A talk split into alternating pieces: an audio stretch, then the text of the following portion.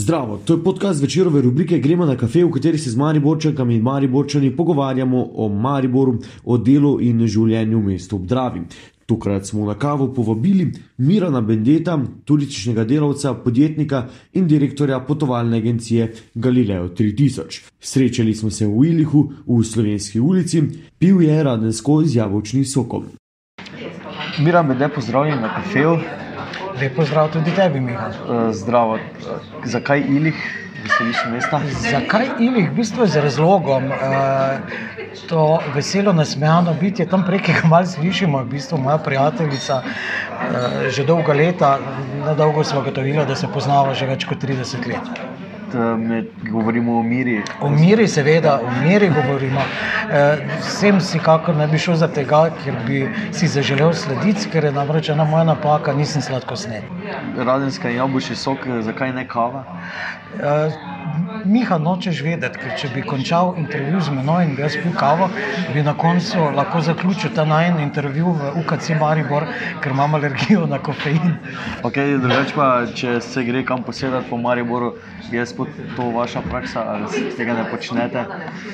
Debatiranje ob pijačah in O podobno. ne, seveda imam rad, lahko rečem, da z leti vedno manj. Včasih sem pa bil uh, zaprisežen k temu, da se da kvalitetno klepetati ob pijači. Imel sem tudi svoje mesto v Mariboru, včasih sem bil skoraj da stalna stranka, v kakšnem sačmu zvečer na stopnicah in znal nestončno klepetati in reševati svet. Okay, um, drugače pa Miran, direktor potovalne agencije Galileo 3000. Od kdaj, kako se je ta zgodba sploh začela? Eh, Zgodba Galileja se je začela leta 1997, potem ko sem uh, za moje pojme vedno velikim turističnim strokovnjakom, gospodom Ive Mulcem, uh, delal prej v agenciji, ker smo skupaj delali, sem, sem se takrat odločil za samostojno pot. V bistvu celotna pot v turizmu je bila na nek način presenetljiva, ker nisem nikoli mislil delati turizma. Rad sem potoval, rad sem bil turist, nisem pa imel občutka, da, jaz, da bo to kdaj moja poklicna eh, pot. V bistvu, uh, bil sem že dogovorjen, da naj hitro končam študij marketinga na ekonomsko-poslovni fakulteti in takrat mi je bilo tri četrt dogovorjeno, da bom ostal kot mlad asistent na ekonomsko-poslovni fakulteti. No in potem preko noči me je ta kolega prepričal, da sem rojen menda za turizem, ker sem klepetal, kar je očitno, ker imam rad zgodovino, ker imam rad različne jezike, eh, ker imam rad lepe stvari, zgodovino, etnologijo in tako naprej. In takrat mi je rekel, da sem jaz narejen za turizem. No, jaz sem se bolj nasmehnil. Po lahko rečem, dveh nočeh razmislekov, ko sem se nekako odpovedal akademski karieri in odločil, da poskusim v turizmu. In um, Galileo je en tak mariborski produkt, pa zadeva mariborska, ki ni prav posebna turistična agencija. Ne mnogi rečejo, zakaj po vašem mnenju. Zakaj posebna agencija? Morda je že k temu doprineslo tudi naše ime. Nikoli nisem hotel biti neka izpeljanka iz Alpe Adria Tours, v času ustanovitve je vsaka druga agencija bila to, ne? ampak Galileo 3000, odkot ime. Galileo, veliki človek, ki je bival pred, miselno pred svojim časom, torej človek renesance 16. stoletja, torej obladal je zakone te zemlje in sveta. In 3000 pa je bil izziv v številki. Sem rekel, da sem marketing študiral, torej skombinirati ime, za katerega bo vsak vprašal. Ta 3000 pa pomeni tretjega tisočletja, ker ne na zadnje 1997. na pragu tretjega tisočletja je bila agencija ustanovljena. Torej, zgodba, ne, malo tako izzivaš. Galileo 3000. Okay, um, Poznani se predvsem po potovanjih v malo bolj eksotične destinacije, pa mogoče ne tako bližnje, kot uh, jih ponujajo večina teh agencij. Ne? Je No, vsem, stvar je v tem, da smo, absolutno smo potem poznani, čeprav začeli smo recimo z Italijo, s Korsiko, z Evropo, potem pa kar skladno tudi z mojimi tendencami smo začeli čarati eh, potovanja po svetu. Tako smo v bistvu z našimi potniki obredli celotne združene države, eh, Karibske otoke, tudi se peljali skozi Panamski prehod, pa šli do Čila, Peru, vsem tja. Eh, Naša posebnost pa je nedvomno, po kateri smo poznani, Azija. Torej, eh, Azija, kot jaz rečem, vedno je moj dom. V mojem srcu našla eno posebno mesto. Tam sem tudi doživel nekaj neobičajnih zadev, postal prijatelj recimo z Šejkem Muzafarjem iz Malezije, uh, bil gost princese Balija, spoznal nekdanjo mis Malezije, ki je danes že zelo priletna, gospa, izjemno navihana, ki je v bistvu Malezika, ki živi v Indoneziji in tako naprej. Torej, Azija mi je zlezla temeljito pod kožo. Okay, um, kdaj pa ste vmes med tem svojim delom opazili, da Mariborčani ne gredo radi samo preko Kolpe, ampak tudi kam drugam, na drugi kontinent? Um, se to z leti spremenja? Z leti se ne spremenja želje, z leti se spremenjajo tendence načina potovanja. Mi smo eni tistih, ki smo znamenita večerova potovanja izvajali mislim, da skoraj 18 let. In takrat eh, postavili tudi neke nove kriterije, oblikovali skupine, ki so se zaljubili v Galileju 3000, posebej s potovanji, ki so štrlela iz. Eh, klasičnega principa oblikovanja potovanj. Tako recimo eh, ta tradicionalna večerova potovanja, na katerem je neskončno ponosen, da mi tudi večer v tem zboru dal priliko oblikovati potovanja, ki so funkcionirala na en specifičen način. Mi smo recimo v Indiji se propeljali čisto skrito, ljudje so mislili, kaj se dogaja, kaj ga ljudje 3000 izvaja. In naenkrat smo stali na enem ogromnem dvorišču, pristopili so bobnari, 90 ljudi je bilo na blazinah, na vozovih, ob spremljavi kamel, prišli na dvorišče, tam so čakali sloni, dekleta, ki so metala vrtniče liste, ognjemet in pristopili smo v palačo Maharadža iz 15. stoletja in vse se je nadaljevalo takim slogom. To so bila potovanja, ki so bila sigurno posledica določenega časa, tudi boljšega ekonomskega statusa slovencev, ki so bili pripravljeni nekaj več dati za tako potovanje in seveda uh, drugačnih tendenc znotraj teh potovanj, ki se tu dalje potovalo. Sem pa neskončno srečen za to izkušnjo, da sem lahko takšno potovanje oblikoval na posebnih nivojih. V Maleziji smo recimo razkopali celoten otok, zaradi tega, da so postavili piratski kamp s 16 palmami, 5 metrov visokimi. In, To so lepe zgodbe, ki so se odvijale v turizmu. Ja. Številni ljudje so bili na, na teh potovanjih. Um, kaj se takrat, kaj ljudje spremenijo, ko grejo izven Maribora v, v te za njih eksotične države, zdaj za vas so bile te že domače na, na, na trenutek? Kakor, kakor kdo, ljudje, ki so začetniki pri. Uh, na tej svoji popotniški poti, uh, se moraš še navaditi, da dejansko v, bistvu v drugem svetu moraš pustiti za seboj domače navade, če želiš v popolnosti uživati v izkušnjah nove destinacije. Ne moreš pričakovati, da boš nekje na indijskem podkontinentu jedel za kosilo štrukle in dunajski zreze, ki bo še dober. Tam se moraš prilagoditi na drugačne navade, uh, drugačne behavioristične. Prepreke, ki imajo, ker ljudje pač živijo po svojih kriterijih in ljudje se najbolj zataknejo pri hrani. Če je hrana zelo drugačna, ne. tam dol je vse spajsi, vse, vse naenkrat ostro, pa ni, ne moreš se pač navaditi. In če odpreš srce za te zadeve, boš največ odnesel z potovanja, ker lahko živiš v ljudeh, navadah, hrani, vse. Imate kaj podatek, koliko ljudi je z vami potovalo v vseh teh letih? E, to, težko zdaj. Jaz mislim, da mora biti. Uh, Vem, 100 tisoč, ne vem. Okay, okay. Um, Kako se ta ste vi videli? Koliko sveta? Ja, to statistiko pa verjetno vodite. Veliko nove ture vodim, poleg tega je se oblikovala na Galileju ena skupina, ki morda celo smešno zvedil, potujejo z Miranom, pozabijo za kanček za trenutek, da Galilejo. Jaz sem gotove goste, ki so danes čez 80, ker pol stari in me vabijo na rojstne dneve. Uh, in ti ljudje so navajeni, da sem z njimi, da so moja družina, lahko rečem, potovalna in če se le da, z njimi potuje. Z njimi pa sem obredel ogromno, imam goste, ki so bili verjetno tudi na 60 potovanjih prav z menoj. Sam pa sem nekje obiskal, ne vem, kaj, ampak okoli 110 držav na svetu. In vsakeč, ko se vrnete v Maribor, na kaj pomislite, ko pridete v Maribor? Uh, zdaj nostalgič, nostalgija me ne zvija. Ne? Uh, veselim se srečanja s prijatelji, z družino, veselim se od svrtega piščanca, zelene solate z bučnim oljem.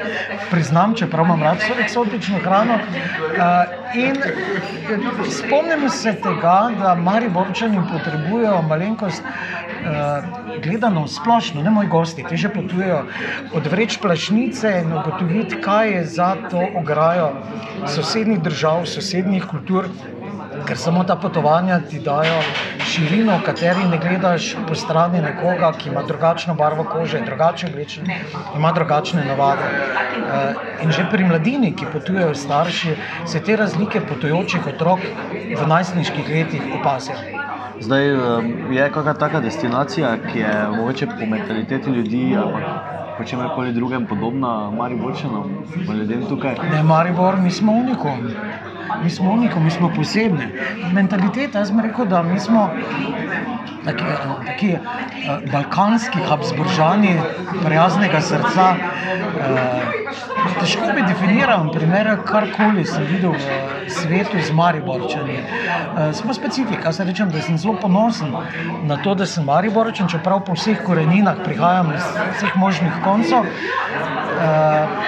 Ja, ponosen Mariborčan. Mariborčanom Mariborčan sicer manjkajo gotove stvari, jaz pravim ravno sled teh potovanj. In tako moj rek je vedno, ne, da ko greš skozi življenje, se mi zdi vedno, da prihodnost pripada tistim, ki verjamejo v lepoto svojih sanj. Mariborčani pa bojijo sanjati, ne? ne vsi, velika večina. Bojijo se lepih sanj.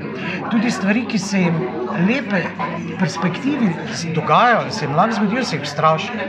Glejmo samo recimo zdaj te Maribor razrit, obeta se nam sprememba prometnega režima, nekaj lepih trgov, pa ljudje iščejo vsem tem samo napake. Namesto, da bi se veselili, da bo recimo glavni trg izgledal čudovito. Uh, to so te sanje, ki jim privoščimo vsem Mariborčanom, da se odvržejo plašnice, pa da nekako začnejo brez strahu sanjati svoje sanje. Omenili ste Habsburžane, slišal sem, da ste bili večkrat blizu teh plemiških družin, mi ste že omenili.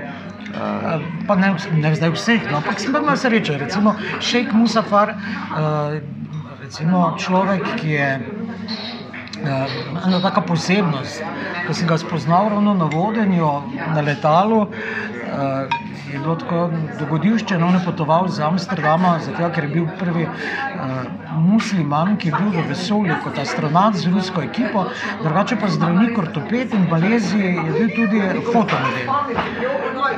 No, ko se je, še zdaj vem, slučajno datum 10.10.2010 poročil, da so oče treh, štirih otrok, no, on je bil tudi na obisku pri meni doma, vem, da nekateri kolegi, ki so tudi prihajali z vaših krogov, torej novinarskih, so bili čisto verti, da nisem povedal, šejka imamo takšnega fotomodela, ne vem, kaj se v Mariboru pa nisem povedal, pa sliko za isti kratek čas, ga ne bom obremenjeval s tem, da bi imel intervjuje. Bil je moj gost, zelo zahteven, malce zoprn, če se zelo odkrit, ampak je bilo zabavno. Okay. Um, zdaj, kako ne moremo se izogniti temu vprašanju, uh, to aktualno dogajanje uh, vpliva na vaš posel, na, na, ko govorimo o koronavirusu, fuj se poroča. Koronavirus je izjemno žalostna zgodba, ki se bo dotaknila vseh še bolj kot predvidevamo. Čas recesije v Sloveniji, tam 2008-2009, je Galileo 3000, smo bili celo na prvi strani financ kot razbijalci krize, ker na začetku te krize dejansko Galileo 3000 ni občutil in to so pripisali našemu visoko kvalitetnemu delu.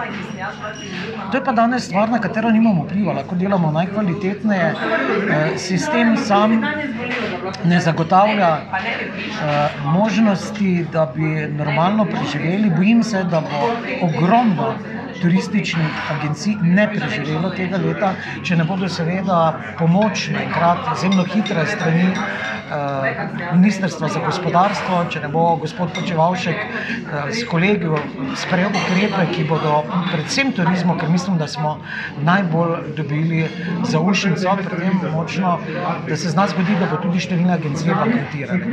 Tudi pri svojem opažam. Stvar je tem, da tudi žal ljudje ne razumejo izrednih razmer. Mislijo, da bo vse vrnila ali zavarovalnica ali agencija ali ne vem kako vse. Ne. Tudi če so se sami prostovoljno odločili in ne gredo na potovanje. In seveda zavarovalnice ne zavarujejo proti strahu, to je za njihova stvar, pričakujejo, da upravičenci tega ne morejo. Že s tem, kar vračamo, bomo ne vem, kako bomo preživeli. Torej, to je en zelo, zelo žalosten čas turizem. Jaz se pač obračam na vse naše nekdanje goste, da seveda naj potujejo varno, da je pa seveda panika, ki krati kvaliteto življenja zaradi informacij v različnih medijih,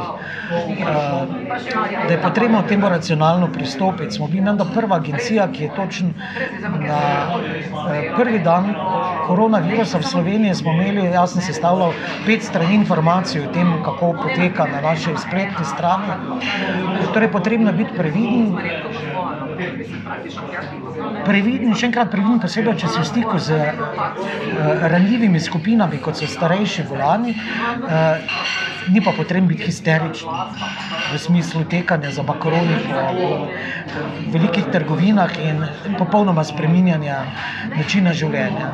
Sicer pa na vseh teh streseh so natančne informacije, kako in kaj. Še enkrat, turizem bo pa strahovito trpel. Okej, še, še eno vprašanje v tem sklopu. Živeli ste v Benetkah. Tudi. Zdaj, mogoče veste, kaj se tam dogaja, ali je to težko sploh Ja, vedeti, opisati? živel sem v Ljubljani Venetu pri Benetkah, kar nekaj, takole leto in pol življenja sem tam po delih pustil. Benetke se gredo eno žalostno zgodbo, ker seveda sredi Benečije, pokrajine, ki jo tudi se ta stvar dotaknila, mi smo imeli pri tem, tudi tik pred tem izbruhom v Italiji še skupino, ki so bili na operni predstavi v Teatro della Fenice. In tisti vikend se je vse skupaj v Italiji začelo dogajati. Seveda, tako kot vsepovsod je zavladala histerija, nam recimo prav naš ladjar, s katerim delam že dvajset let, je sporočal, da v Benetkah ljudje živijo normalno, da oni hodijo normalno v restavracije, kar je res, ne. Absolutno je pa Italija danes verjetno tisto območje, za katerega tudi sam vsaj še mesec dni oziroma dokler se zadeva ne pomiri, ne bi predlagal potovanje. Svet je dovolj velik in torej potujmo, ampak potujmo tam, kjer je dejansko zelo majhen procent do zdaj okuženih s koronavirusom, in ob tem se obnašajmo seveda odgovorno. Okej, bomo zaključili s, s koronavirusom, ker je tega absolutno povsod preveč. Pogosto vas videvamo na družabnih dogodkih po Mariboru, poznate, povezujete veliko ljudi, številni so z vami tudi potovali. Kako fejst pomembno se vam zdi to neko druženje z Mariborčani na teh dogodkih? Pomembno? Rekel bom tako, da sem bil vedno malce radožive sorte, poznal veliko ljudi, že preden sem sanjal ali razmišljal, da bi lahko pristal turizmu, in turizem je pa k temu samo dodatno doprinesel. Rad imam druženje, rad imam druženje med Mariborčani, zaradi tega tudi ogromnokrat povabim na te dogodke. In ob tem sem nekako mnenja, da če te nekdo povabi kot človek, ki pozna bonton, se spodobno, če imaš možnost, temu tudi odzvati. To je enako, kot pravijo, pozdraviti je bonton, odzdraviti pa, pozdraviti oziroma pardon, pozdraviti je seveda lepo, odzdraviti pa bonton, ne. In to je tako tudi drugo, če te nekdo povabi, če lahko prideš. Nenazadnje pa tudi splet en krog, tudi Galileo tri tisoč ima vsako leto zelo odzivno zabavo na naši terasi predbožično. In tako nekateri tudi krožimo, se pozdravimo in to so lepi trenutki, da malce izmenjamo svoja mnenja. In hvala Bogu, da je Maribor takšen. Ne na zadnje ima Ljubljana še več tega in tudi Maribor mora nekaj tega metropolitanskega prenesti v svoje državno življenje. Okay, Omenili ste vašo teraso, terasa um, stavbe, ki je ena najstarejših v mestu. Um, kako ponosni ste, da ste lahko tam? Ja, v bistvu, to, to je bilo nam nekakšno srečo, mi je bilo namenjeno. Kot otrok sem hodil po Lendu in ta hiša mi je bila vedno neizmerno všeč. Takrat, ko smo iskali stalen dom, stalni naslov naše agencije, je podjetje, ki je prodajalo to hišo in sem nas pomagal pri neki marketinški strategiji, omenilo to hišo. Takrat smo se odločili, renovirali. Ja, hiša je v bistvu ena najstarejših, druga najstarejša sinagoga v Evropi. Uh, v bistvu uh, smo na židovskem trgu in židi so bili strašansko pomembni v Mariboru. Stvar je v tem, da Maribor je bil prvič kot Marburg, torej me, grad, ob, uh, grad ob Marki, uh, prvič omenjen 1164. leta, ampak že dobro stoletje kasneje so židi prišli v Maribor in v bistvu živeli. Uh, Izjemno pomembno življenje, tako da so v bistvu okoli 1410. so postali celo uh, pristali na svoji tok točki ne, in so bili tako močni, ampak že je takrat Maksimilijan III., kralj, eh, takratni Habsburški kralj, izdal odlog, s katerim so žide potem, mislim, da 1465 ali 85 izgnali pretežno iz Maribora in do 19. stoletja celo so vladali posebni odloki o, uh, rečemo, o izgonu, o manjših pravicah židov in tako naprej. No, ampak mi smo se na ta židovski trg selili ob sinagogo v naši agenciji nekdaj živel rabin, potem je imela še različne vsebine, danes pa skušamo ne povezovati ljudi dobre volje, tiste, ki želijo potovati. In seveda v njej dela moja ekipa, na katero sem strašansko, strašansko ponosen, ker so resnično strokovnjaki na svojem področju turizma in tudi dobri ljudje. Okay, um, zdaj prihajate iz uh, družine, kjer so podjetniki. Uh, kaj je to, kaj v, v genih, da ne, se vaš primek menja v tem podjetniškem svetu? No, zdaj je tako, če, če bi moj oče slišal, da sem po njem podedoval gene podjetništva, bi verjetno umrl od smeha, te, smeha tega mu ne prvočem. Ne. Za, za vašega očeta? Ne, tukaj ne, sva pa z bratom nekako bolj. Ne. Brat je direktor industrijske cone Tezno, izjemno podjeten, možak, zelo uspešen. Ja, on je definitivno največ podjetniške žilice podedoval naši familiji, oziroma je privzgojil, ker podedovati nismo imeli od nikogar. To definitivno ne, ne. ker detki so bili čist drugi pase. Uh, mogoče po prababici, ki je bila podjetna, bila kranka. Uh, drugače pa ne. No. Jaz sem se v bistvu po naključju podal to, moram priznati, da danes v trenutni situaciji in pri svoji starosti, verjetno ne bi imel jajca se še enkrat podati na isto pot. Takrat pa zelo mlad, pri 30-ih sem se pa pač odločil takrat za to. Seveda si mislil na, na, na brata, oče je pa v bistvu skrbel tudi, da so lahko mari borčani brali. Uh... Ja, on je ne na zadnje prihaja z vaše hiše. Ukvarjal se je s starim poklicom, uh, njemu je Gutenberg dejansko bil položen v zido, torej uh, bil je strojni stavec in še to po naključju. Namreč družina Bendeje je sodila med tri najbolj slovenske družine med drugo svetovno vojno na študenci, ki so bili takrat polni kultur Buda. In uh, tako mislim, da so bili vokači, bendeti in še ne vem kdo, glavno med temi. In ker je so očeta v srednji šoli, gimnaziji dobili, ker je govoril srednjo, Eh, ker je govoril slovensko, so sledile strašne zadeve, tako izključitev šole. Potem je on nadaljeval v te, uh, po Gutenbergovi poti in postal strojni stavec. In vedno, njemu bom vedno hvaležen za to, da me je vzgojil ljubezen do knjige in pa ljubezen do zgodovine. Okay, um, v Mariboru smo, uh, sprehajamo se po Mariboru. Kaj vi vidite, ko se sprehajate po tem mestu? Oziroma, čisto drugačno vprašanje za postavo. Uh, če bi mogli pripraviti vodenje po Mariboru, ne, to delate? Vodim, ne, ga pa poznam. Kam, če bi pa mogli pripraviti res eno zanimivo vodenje po Mariboru? Kako bi ga sestavili? Seveda, odvisno od tega, za koga namenjeno. Meni je zelo zanimivo, eh, rad imam posebne stvari. Ne. Maribor se mora zavedati svoje prednosti. Maribor nikoli ne bo Pariz. Tako kot tudi Ljubljana.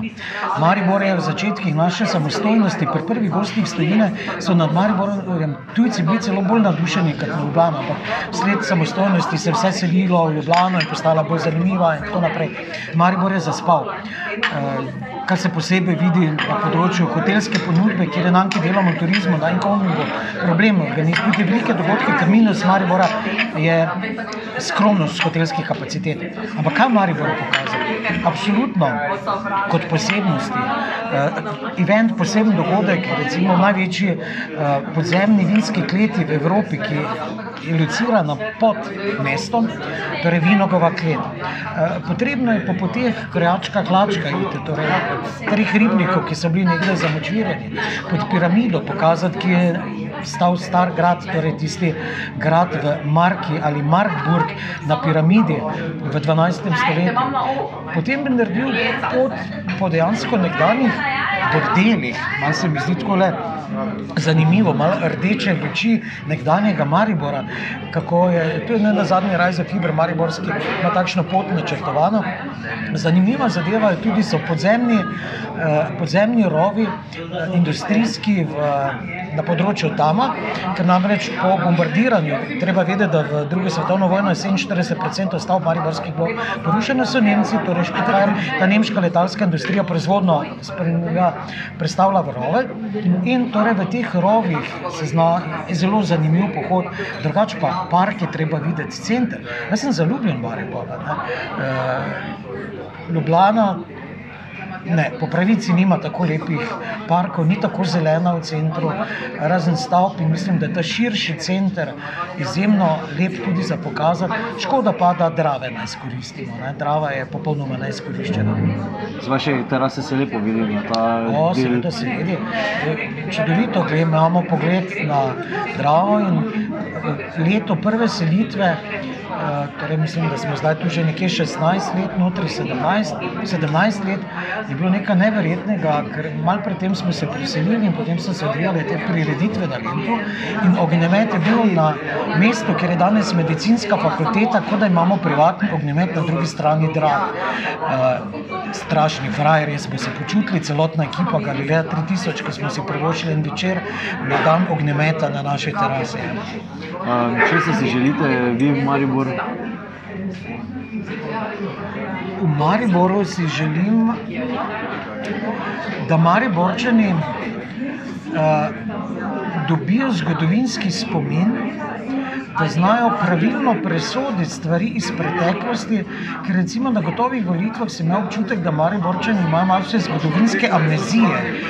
Ker, ne vem, veste, osem gre enkrat na let, ne, tu Mariborčani pa so pokazali, da bi bili sposobni zelo velik delež, še verjetno 16 krat na let, pa se zobe razbi. Govorim seveda o volitvi župancev. E, ta zgodovinski spomin, želim se, da se Maribor gospodarsko malce pomore, da postane lep, lepo mesto, gre po tej poti, da postane turistično atraktivna destinacija, da dobi nekaj, eh, da dobi nekaj kvalitetnih hotelske eh, moči. Mi smo namreč tudi tako imenovana Majsa agencija, ki se ukvarja z eh, kongresnim turizmom, praktično edini, ki delamo v sodelovanju z Zavodom za turizem Maribor na tem področju. In organizirati dogodke, če nimaš prave nastanitve, problem, ker okolica in sam Maribor, tujci, ki pridejo, so navdušeni nad tako imenovanimi event možnostmi, kaj lahko ponudimo. In seveda moramo se nasloviti na izročilo odlične kuhine, odličnega vina, nič ni narobe, tudi če ljubljani nas imajo štajrce za tiste, ki smo malce tako, ne, pod vplivom vinca, venomer. Ne. Istočasno se ljubljani hvalijo kot mesto vina, imajo vsem, pa prva trta raste verjetno 50 km iz Ljubljana, oziroma to, ki imajo zdaj nagrado, se tako prepeljali z lenta kot potaknjene stare trte. Torej, moramo biti na to ponosni. Ne. To želim Mariborčanom, da, in da niso tako kritični do vsega novega. Veste, če si kritičen do vsega novega, posledično se kolo napredka ne vrti. In ker v vsaki stvari najdeš napake. In če se kolo napredka ne vrti, potem v končni fazi, ki nisem zadovoljen, eh, je zelo nesmotrno kazati s prstom, v našem primeru, da Ljubljana, da so tam krivi. Za vse, kar imamo, smo si sami krivi. Ali za župane, ki smo jih imeli, ali za zgodbe, ki se odvijamo, oziroma dajmo nekoga, ki si želi neko moč, nekaj pokazati, podpreti, da vidimo, kaj bomo naredili. Ne. Torej, Mariboru želim svetlo prihodnost, zelo svetlo. Hvala, Miran Beder, za čas z nami. Me je veselilo. To je bil podcast večerove rubrike Gremo na kafe, pogovarjali smo se z Miranom Bendetom. Jaz sem Miha Dajčman pod tem imenom, me najdete na Twitterju, Instagramu in Facebooku. Do zanimivih večerovih vsebin dostopate s klikom na vecel.com. Vabljeni k poslušanju ostalih večerovih podkastov na SoundCloudu, iTunes in Google Podcasts.